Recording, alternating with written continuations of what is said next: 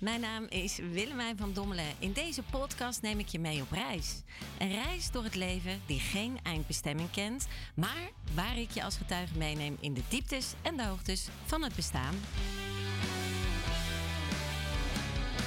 Hallo daar! Wat fijn dat je weer uh, luistert. Of misschien is dit de eerste keer dat je hier bent. Althans, niet letterlijk. Anders zat je hier gezellig aan tafel. Maar uh, dat je in ieder geval luistert of kijkt. Want het is uh, misschien ook wel een podcast. In mijn leven, net zoals jouw leven, blijven we onderweg.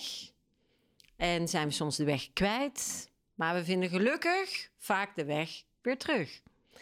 En uh, in mijn geval zijn er heel veel wegen die niet zozeer naar Rome hebben geleid, maar eerder naar een dolhof, waardoor ik heel veel verdwaald ben in mijn eigen bestaansrecht, in mijn leven, in mijn zijn van Willemijn. Ja, ja, rijmen en dichten zonder iets op te lichten. Dat is ook wel trouwens een van mijn uh, zeer bijzondere specialiteiten waar je werkelijk niks aan hebt. Maar het is wel gezellig uh, met bepaalde momenten zoals deze. Vandaag dankbaarheid. Daar gaat het vandaag over. De dankbaarheid voor uh, zoveel dingen. Ik ben ook nieuwsgierig naar waar jij dankbaar voor bent. En nu denk je, jeetje, is het weer zo'n podcast?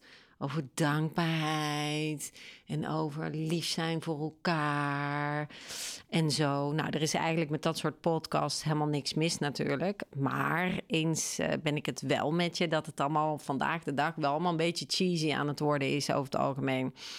Nee, het gaat niet zozeer daarover. Nogmaals, ik, eh, ik, ben het daar wel mee eens hoor, met die cheesiness. Alleen het mag wel ietsje meer spice hebben af en toe, uh, wat mij betreft. Het moet, moet niet het, het marshmallow-achtig worden. En wat ik zie als dankbaarheid is, hè, ik heb het in voorgaande podcast gehad over vergeving, over leermeesters en leermeesteressen, over groeipijnen, over van alles en nog wat. En dat ging voornamelijk ook heel erg uh, over mijn privé. En ik ben heel dankbaar voor heel veel mensen die, die in mijn omgeving zijn geweest en nog steeds zijn. Um, die mij hebben uitgedaagd uh, tot die groei. Ik ben ook vooral dankbaar naar mijn eigen persoonlijke groei en hoe ik nu in het leven sta. Maar uh, ik heb het eigenlijk vrij weinig gehad over mijn werk, besefte ik mij recent. En ik denk dat dat komt omdat mijn werk een, een, een, wezenlijk onderdeel is van, van mijn leven. Dat is van ieders leven natuurlijk. Maar bij mij was het een dermate aanwezigheid. Uh, omdat, omdat dat ook weer een verslaving was. Zoals jullie weten, in mijn vorige podcast spreek ik veel over mijn verslavingen. Die ik had, mind you, voltooid verleden tijd. En um, daar was uh, Workaholic er ook eentje van. Ik ben uh, vanaf mijn 21ste eigenlijk zwaar werkverslaafd geweest. Dat heeft ook lang geduurd, dat traject. Dat heeft ervoor gezorgd dat er meerdere burn-outs zijn geweest. Uh, ik in zijn totaliteit. Ik, ik heb de, um, hoe zeg je dat? Ik heb niet meer geteld, maar ik weet van mijn burn-outs, dat waren er drie. Dat weet ik met 100% zekerheid, omdat die ook met diagnose zijn gesteld. Uh, de depressies die ik heb gehad en andere psychosociale ziektebeelden die ik heb mogen trotseren, daar ben ik een beetje de tel kwijt, als ik heel eerlijk ben. Hè? Want ze zeggen ook altijd als je bipolair uh, bent of bent geweest. Nou, dat ben ik gelukkig ook geweest. Voltooid ook verleden tijd. En um, ja, heeft, en dat trouwens, dat heeft ook heel lang geduurd. Maar ja, dan ben je op en af bijna depressief. Hè? Allee, dat is uh, cru gezegd, is dat wat het is. Dus ja, dan raak je natuurlijk heel snel de tel kwijt. Maar ik ben daar wel heel dankbaar voor dat ik die challenges uh, heb, heb gehad en heb getrotseerd. En, en dat ik daar ook um, ja, veel mensen onderweg ben tegengekomen die mij daarin hebben uitgedaagd. En dat was zeer zeker zo op het werk. Niet alleen ben ik geboycott op het werk, en ik zal even heel kort vertellen wat mijn um, carrièrespad is geweest. Dus 21 jaar per direct een eigen bedrijf begonnen.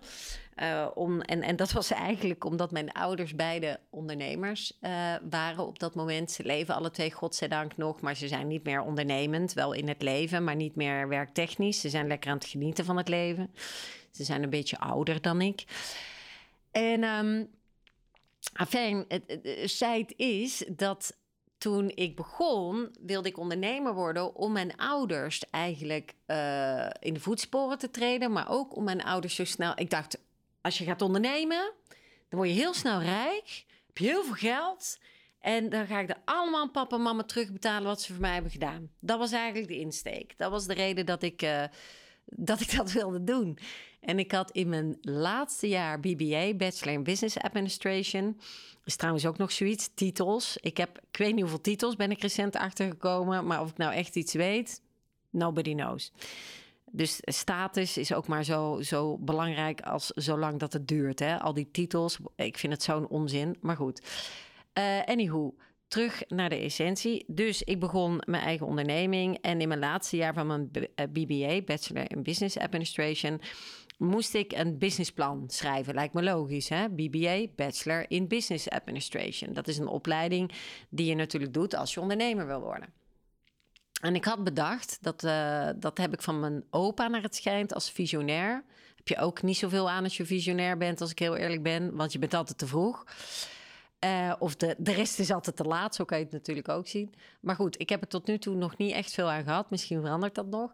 En ik had dus een businessplan geschreven over um, Talent Factory. Talent Factory Recruitment. Klinkt chic, hè? En het was een, een uh, Talent Factory. Het was een, een, een bureau, een werving- en selectiebureau voor talent. Maar dan jong talent, dus jong academici. En um, dat bestond in België op dat moment toen nog niet. In Nederland al wel. Uh, toen had je YER, uh, Young Executive Recruitment uit mijn hoofd. Uh, maar hier nog niet. En enfin, lang verhaal kort, ik ben dat begonnen. En nu denk jij als luisteraar, hoe heb je dat gefinancierd? En nu zouden mensen die mij kennen daar een gedachte over kunnen hebben. Kennissen zouden daar een gedachte over kunnen hebben. En merendeel zal denken, papatje, papatje zal dat wel gefinancierd hebben. Dat is ook een veroordeling en een etiket waar ik al heel mijn leven mee loop. Dat alles dankzij mijn vader is financieel. En uh, dat is trouwens geen afbreuk naar mijn moeder, maar ja, mijn vader was wel de hoofdkostwinnaar. Dus ik heb een verrassing voor jullie. Nee, dat is niet het verhaal. Mijn vader heeft uh, op een gegeven moment, omdat ik geen geld meer kon krijgen bij de banken, heeft hij wel geld geleend. Uh, uiteindelijk hebben we dat uh, later kunnen, kunnen oplossen door het geld wat ik verdiende met het bedrijf te verkopen. Dat is dat meer een vervolgend verhaal. Maar dat was echt, we spreken hier echt niet over, weet ik veel, 60, 70.000 euro of zoiets. Het, het was, waren echt kleine bedragen. Ik moest echt naar de bank. En stond je vader daar dan borg voor? Of, of je familie? Nee, mijn businessplan stond daar borg voor. KBC Bank was dat toen. Ik had zo'n goede relatie met de bankdirecteur dat zelfs als ik mijn, uh, uh, mijn dingen niet kon betalen, zeg het is mijn huur. En hem dat kon uitleggen, omdat ik mijn personeel e-, eerst moest betalen en mezelf als laatste, ben ik daar zelfs nog, dat is echt waar wat er is gebeurd, met een koffertje met cashgeld, zoals in de film, naar buiten gelopen om cash mijn huur aan mijn huurbaas te gaan betalen. Die dacht natuurlijk, waar komt dat geld vandaan? Hm. Maar die heeft er verder nooit naar gevraagd. Dat kon toen nog. Dat zou nu natuurlijk ja, dat zou ondenkbaar zijn. Hè? En um, dus ik ben dat bedrijf begonnen. Nou, lang verhaal kort. Uh, dat bedrijf is uiteindelijk, omdat ik een burn-out had, is overgenomen en financieel gewoon niet uh, vastliep. En, en mijn vader zei: Het is wel mooi geweest met jou. Je krijgt, je krijgt van de bank je geld, maar je krijgt van mij ook niks meer. Betaal het eerst maar terug. En toen is het overgenomen door een Nederlandse organisatie. Dat is uiteindelijk niet geweldig goed gegaan. Um, daar hebben we een, een, rechtszaak uiteindelijk mee gehad. En die heb ik gelukkig toen wel gewonnen. Maar ja, de stress die je daarvan hebt is natuurlijk ook uh, ja, niet, uh, niet geweldig.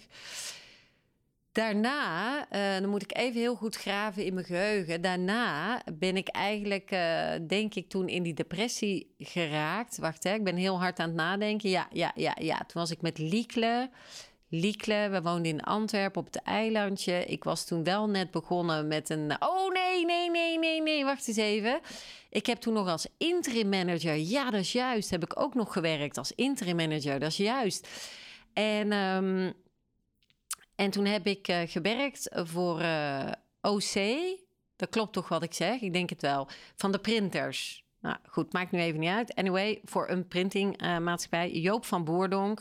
Met voor- uh, en achternaam spreek ik voluit zijn naam uit. Wat een topper is dat. Weet je, de wet van de privacy.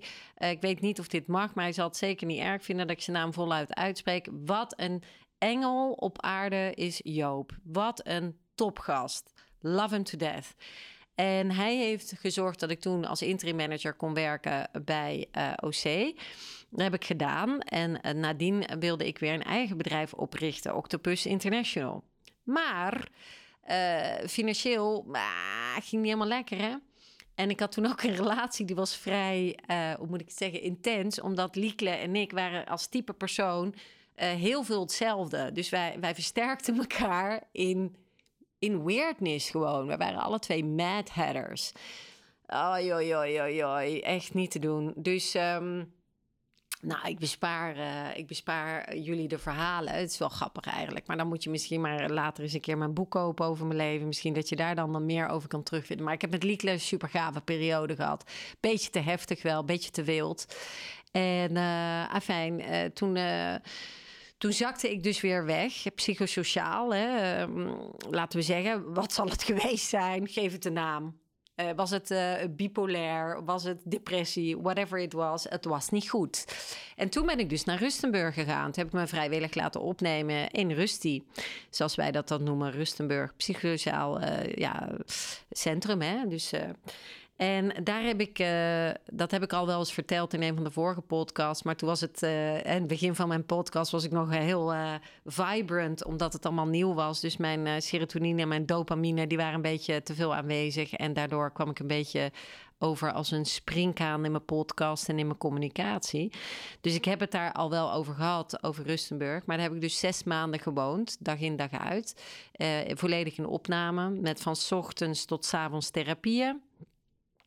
En uh, kooktherapie was trouwens heel leuk. En drama vond ik ook heel leuk. Maar goed, anyway.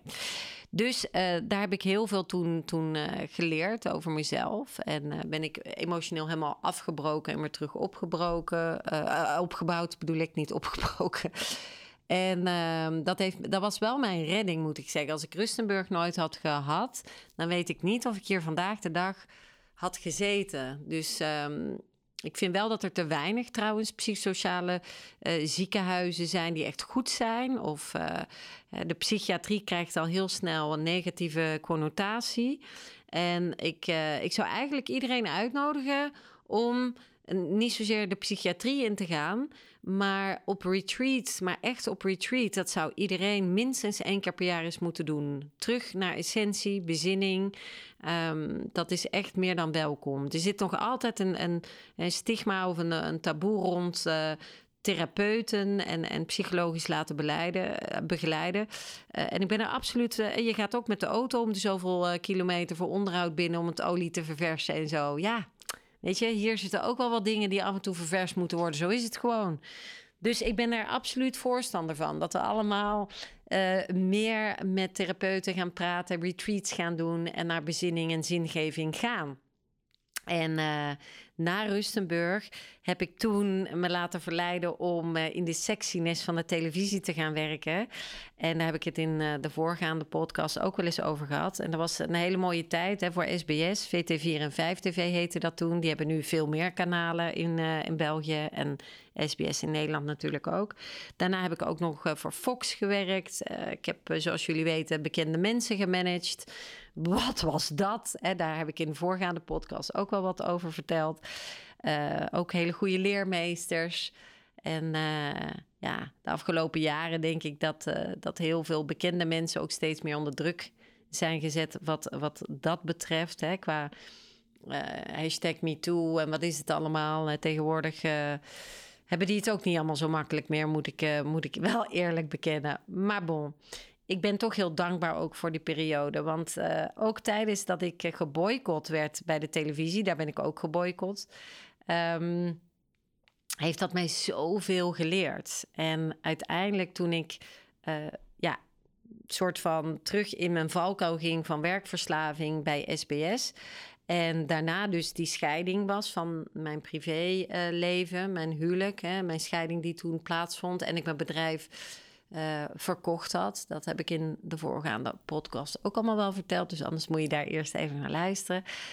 Toen had ik dat dus verkocht en, en eh, ja, toen zou ik eigenlijk beginnen aan een nieuw bestaan, uh, aan een nieuw avontuur in deze reis van, van mijn leven zonder, zonder bestemming, zonder eindbestemming. Maar dat viel toen allemaal natuurlijk in duigen vanwege dat, dat huwelijk. En langzaamaan kroop ik zo wat uit dat dal en ben ik dan bij Fox Televisie weer gaan werken. En toen kon ik wel mijn grenzen goed bewaken. Dus dat was heel fijn dat ik nog eens een keer een oefening mocht krijgen van het leven om, uh, om mijn grens te bewaken. En dat ging heel goed. En het was dankzij Giel. Jullie weten intussen normaal liter wie Giel is. Want dat heb ik in de vorige podcast ook verteld. Uh, een van de grote liefdes in mijn leven. Die had tegen mij gezegd: ga toch eens praten voor het publiek om te spreken over jouw ervaringen met je burn-out, uh, je burn-outs. En uh, ik dacht, ja, ja, ja, oké. Dus dat ben ik gaan doen. Burn Baby Burn, zo heette het in het begin. Een beetje catchy natuurlijk. En daar sprak ik over mijn eigen ervaring. Uh, niet zozeer vanuit mijn rol als bedrijfskundige met expertise in de psychologie. Ook niet als psycholoog of als therapeut of als begeleider of helemaal niet. Het was gewoon meer als ervaringsdeskundige. Nu zit daar trouwens intussen al een hele uh, verkeerde connotatie op ervaringsdeskundige. Want ik geloof dat iedereen nu ervaringsdeskundige is rond psychosociaal welzijn. Iedereen is coach, iedereen helpt en dat is mooi. Maar moeten daar toch een beetje voorzichtig mee zijn. Want je kunt heel veel dankbaarheid creëren als je anderen kan helpen.